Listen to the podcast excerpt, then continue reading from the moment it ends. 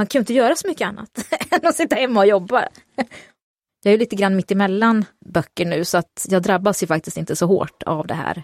Du har en naturlig karantänperiod Ja. inplanerad nu här. Ja, ja precis, Ja. precis. Så för mig så funkar det faktiskt ganska bra. Mm. Pocketpodden.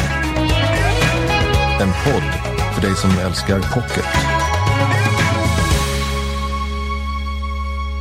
Hej!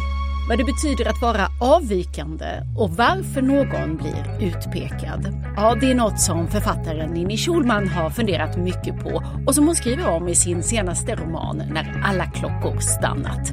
Den ska vi prata om idag och Ninni är min gäst. Och sen visade det sig att det fanns en stor efterfrågan på att få läsa Odysseen ur ett kvinnligt perspektiv.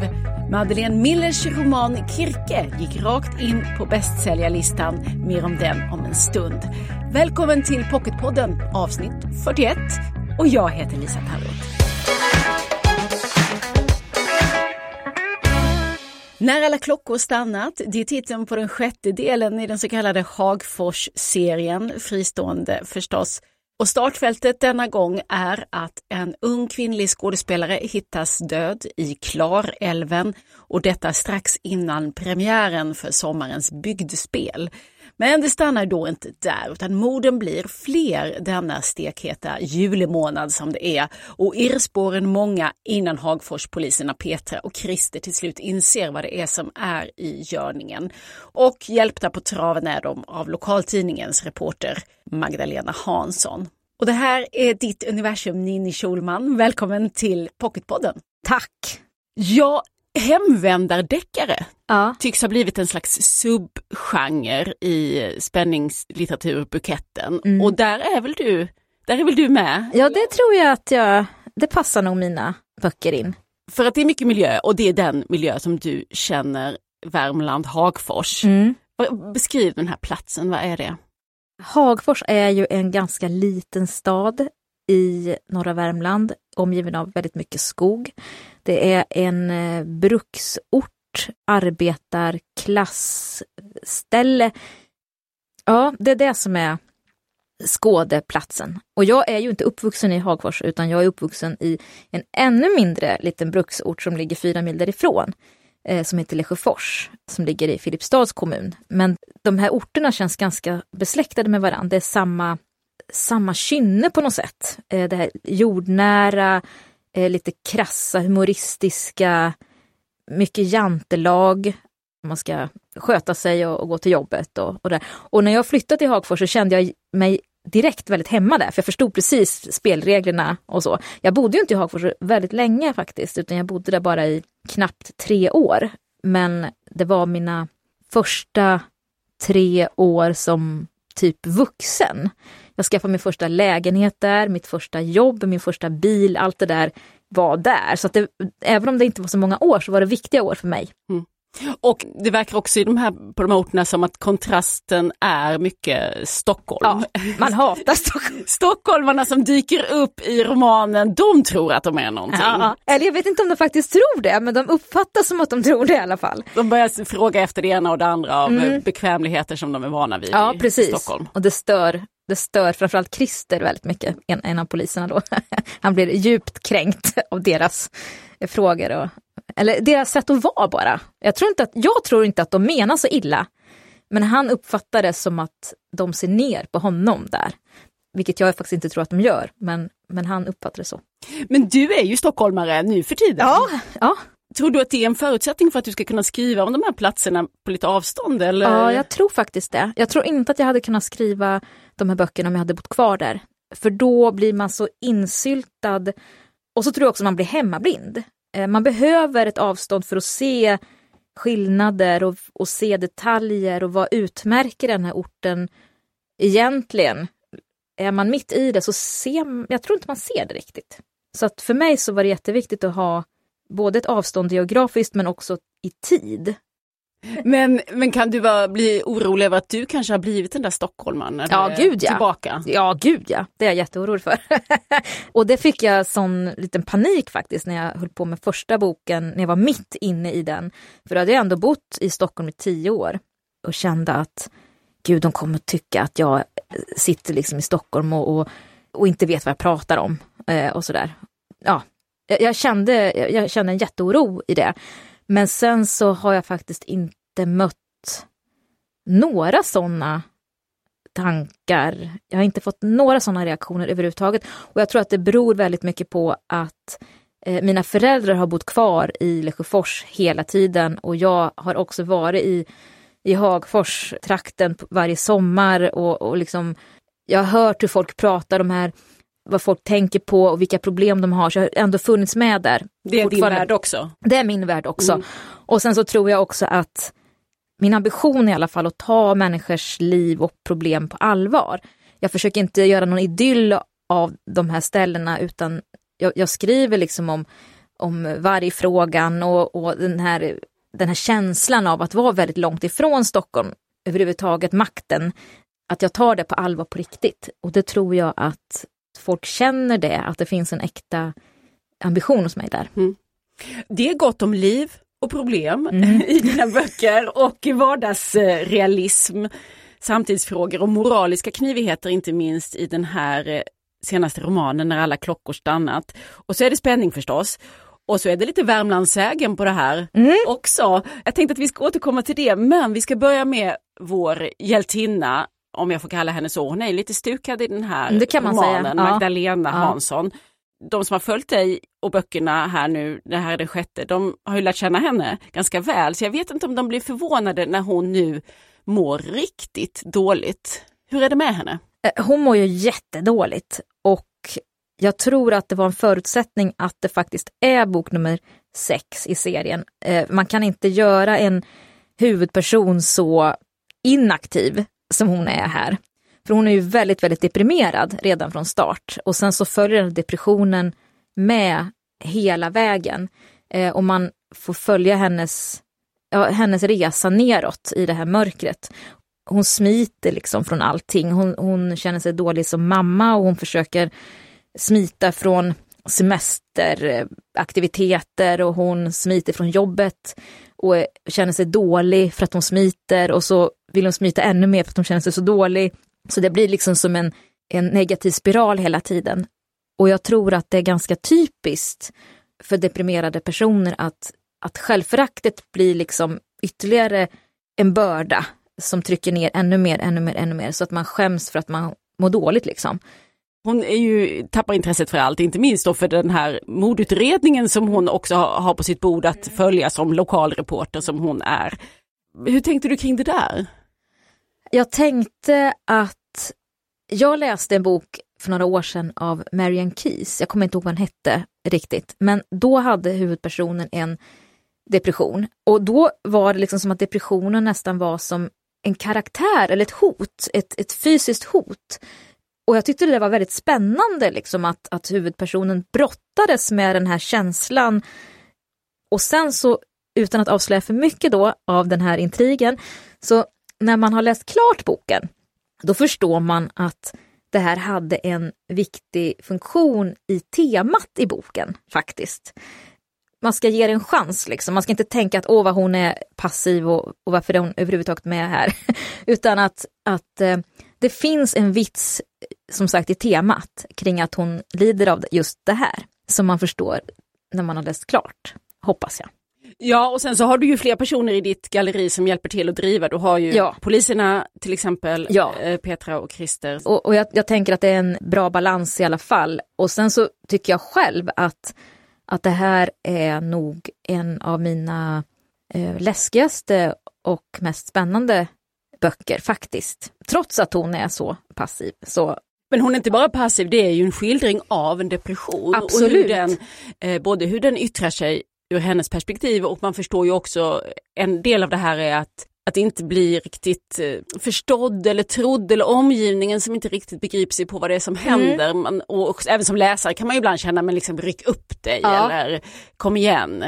Och det var viktigt för mig också för att hennes sambo Petter då, han får ju ta ett jättestort ansvar i det här när hon typ ligger och sover hela tiden och han får ta hand om barn och, och mat och allting.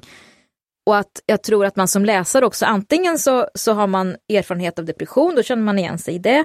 Eller så har man erfarenhet av att vara en anhörig till en deprimerad, då känner man igen sig i Petter. För det är en jättejobbig situation som han har.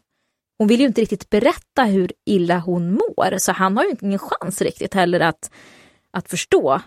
Och det tror jag också kan vara väldigt frustrerande om man är anhörig till någon som är deprimerad, som man älskar och bryr sig jättemycket om, som man bara ser tappar hela gnistan, liksom att man får både panik men också att man blir arg. Faktiskt. Har du själv varit i någon av de där rollerna? Eh, jag har ju aldrig varit så illa som Magdalena, men jag kan ju känna igen mig liksom i stråk av hur, hur hon känner. Men ämnet brinner jag väldigt mycket för, för att jag, jag tror att det är svårt att... Om någon har tagit sitt liv till exempel, så säger folk att jag kan inte förstå hur, hur man kan göra så. Eh, jag kan inte förstå, och det, det kan man ju egentligen inte, men, men jag tror att om man har läst min bok så kan man ändå förstå vilka tankar som leder till nästa tanke som leder till nästa tanke och till slut så är man beredd faktiskt att göra något så drastiskt för att man känner sig som en belastning för alla runt omkring. Så djupt som Magdalena går, det är ju ganska få som går, tror jag. Men jag tror att det är viktigt ändå att förstå lite grann hur, vad som händer när, när tankarna blir så konstiga. Sen blir hon ju ändå indragen i den här eh, ja. modehistorien fast liksom från ett annat håll ja. Eh, kan man säga. Men du, det finns ju ett annat väldigt intressant tema i den här historien som handlar om ja, raslära kan man säga. Du har en liten litteraturlista mm. lämnat. Så man förstår att du själv har hämtat inspiration och tankar från till exempel den gamle rasisten Herman Lundborg som förestod Rasbiologiska institutet i Uppsala. Han skrev ju 1922 Degenerationsfaran och riktlinjer för dess förebyggande. Vad är det egentligen som står där? det handlar ju väldigt mycket om de här steriliseringarna som gjordes eh, för att man då skulle få svenska folkstammen att bli starkare och friskare och, och ha mindre också psykisk ohälsa. Det, det är ju lite grann det som jag är inne på det med Magdalena också. Nu uttryckte man det inte så på den tiden. Man Nej. var väldigt förtjust i det här begreppet sinnesslö. Precis. är, och det ja. kunde vara vad som helst. Allt utanför normen. Ja, om man inte liksom eh, städade noga och höll sig hel och ren och, och hade mat på bordet och, och sådär, då, då var man sinneslö. Liksom. Eh, och då kunde man också steriliseras för det, för att man inte ansågs att ens gener skulle föras vidare och sådär. Och det här är ju helt galet och det var så utbrett så länge också. Och så många som drabbades på så otroligt konstiga grunder. Det kunde räcka med att en kvinna blir gravid och vill göra abort på typ 70-talet. Och så samtidigt då så, ja vi kan göra en abort men då blir du också steriliserad samtidigt för att du kan uppenbarligen inte hantera eh, ditt liv liksom.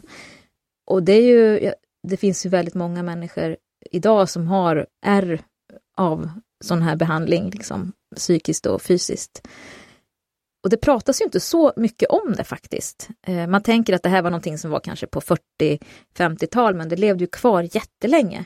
Eftersom du tar upp de här sakerna också, den här litteraturlistan, så kan man ju som läsare inte låta bli att börja fördjupa sig lite grann. Man liksom ger sig ut där och googlar och läser och det är ju verkligen hisnande saker. Dels så tyckte jag, eh, är det ju intressant det här hur den här idén om ras har ju inte det kunde man ju aldrig driva i bevis, utan Nej. vad det blev var ju någon slags rensning av Precis. människor som på den sociala botten, eller de som var utsatta ekonomiskt i första hand kanske. Ja. Som man liksom bedrev någon slags brutal socialtjänst. Exakt. Eh, det handlade ingenting egentligen om. Nej. Hela den här rasfrågan, den, går, den går liksom inte att... Eh, Nej, utan det handlar om om eh, också missbrukare, om man var alkoholist till exempel, då, då ansågs man sinneslö. Och, och mycket sånt. Eh, Ja.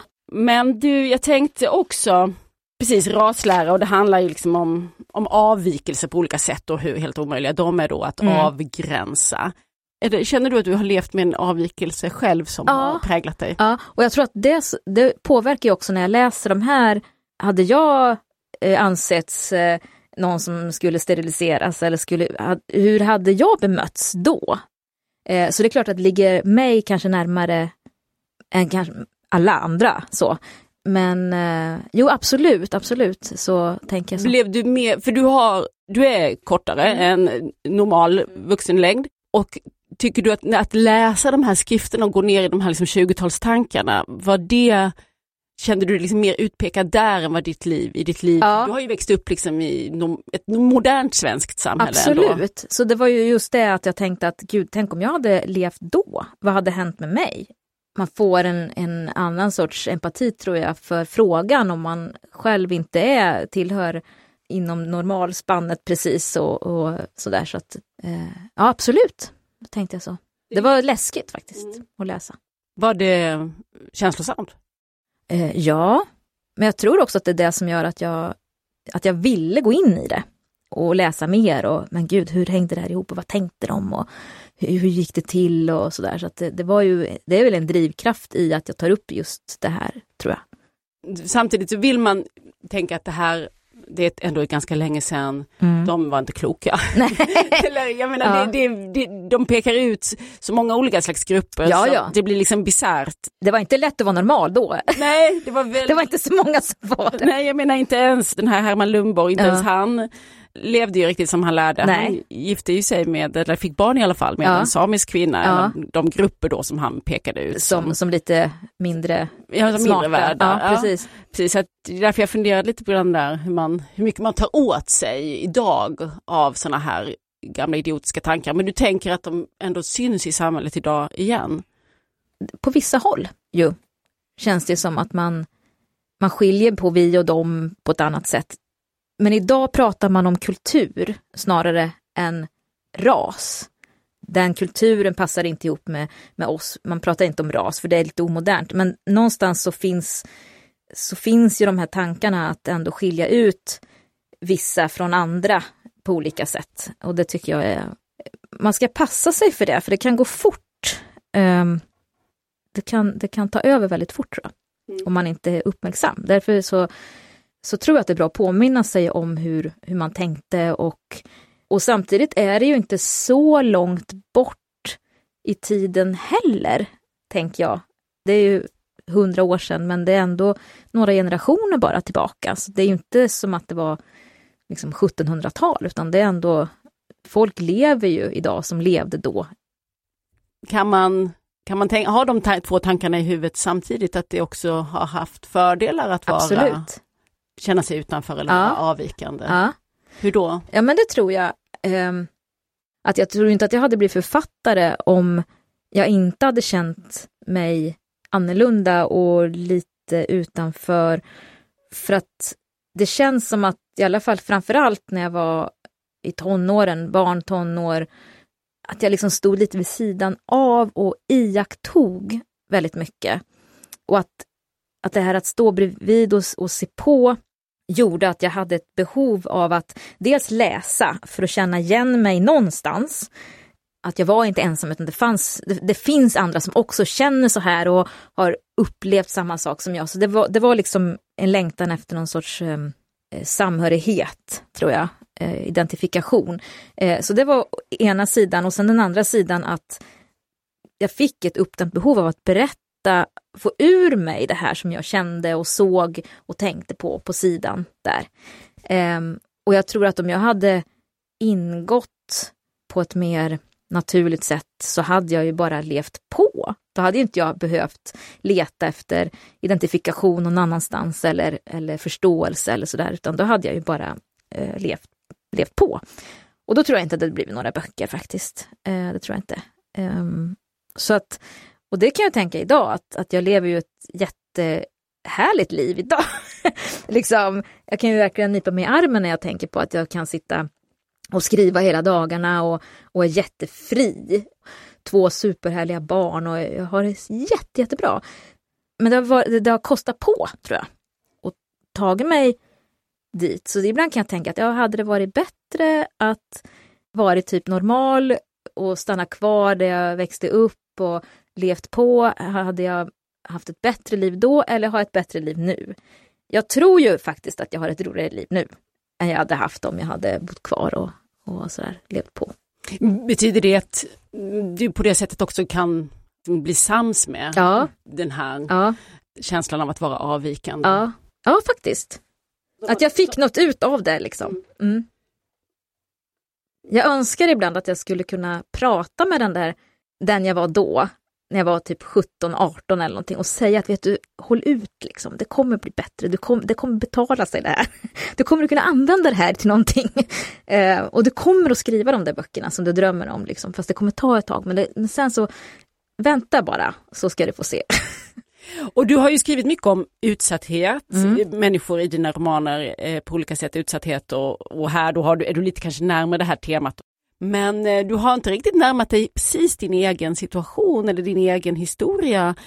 Har du funderat på att skriva om den? Det är det jag gör nu. Du gör det nu? Ja. ja. Samtidigt som jag skriver på, jag börjar lite grann på nummer sju i Hagforserien också, för den ska komma om ett år. Men jag skriver faktiskt nu på en självbiografisk bok. För eh, ja, det, I år är det tio år sedan jag debuterade och då känns det lite så här spännande att göra något helt totalt annorlunda. Så att det, ja. Så nu är du nere i den där jobbiga mm. tonårstiden igen? Mm. Ja. Skönt att vakna upp och ta en paus och se att livet är Ja, men lite så. Annat. Ja, det, men det är väldigt skönt att skriva om det också. Eh, faktiskt. Det är jobbigt, jätte, jätte, jättejobbigt. Men sen när det är gjort så känns det så mycket lättare på något sätt. Sen så kommer det väl kännas jätteläskigt när den ska ges ut och sådär. Men eh, det är terapeutiskt för mig och jag tror att det finns andra som också känner igen sig. För att även om det inte syns på folk så är det många som känner sig väldigt annorlunda och ja, jag tror att man delar mer än man tror med andra faktiskt. Det vill jag gärna eh, få för mig i alla fall. Men vad mycket du har på gång då alltså, för mm. Hagfors lever vidare mm. i en del sju ska ja. det bli. Vi hoppas ju att Magdalena tar sig ur den här tunneln. Ja, jag kände ju att, att jag måste ju rädda henne där. Hon, jag lämnar ju henne på en ganska jobbig plats i den här boken. så att jag kände att jag måste fort nu börja skriva så att hon kommer därifrån. Liksom. Just det. Ja, när alla klockor stannat. Vi måste ju lovade att vi skulle prata om den här Värmlandssägen också, ja. som är en mystisk del i den här historien. Mm. Urmakare Johan Tinglöf, mm. som det här bygdespelet i romanen ska handla om. Är det en, en, en verklig myt? Absolut, absolut. och bygdespelet är också verkligt.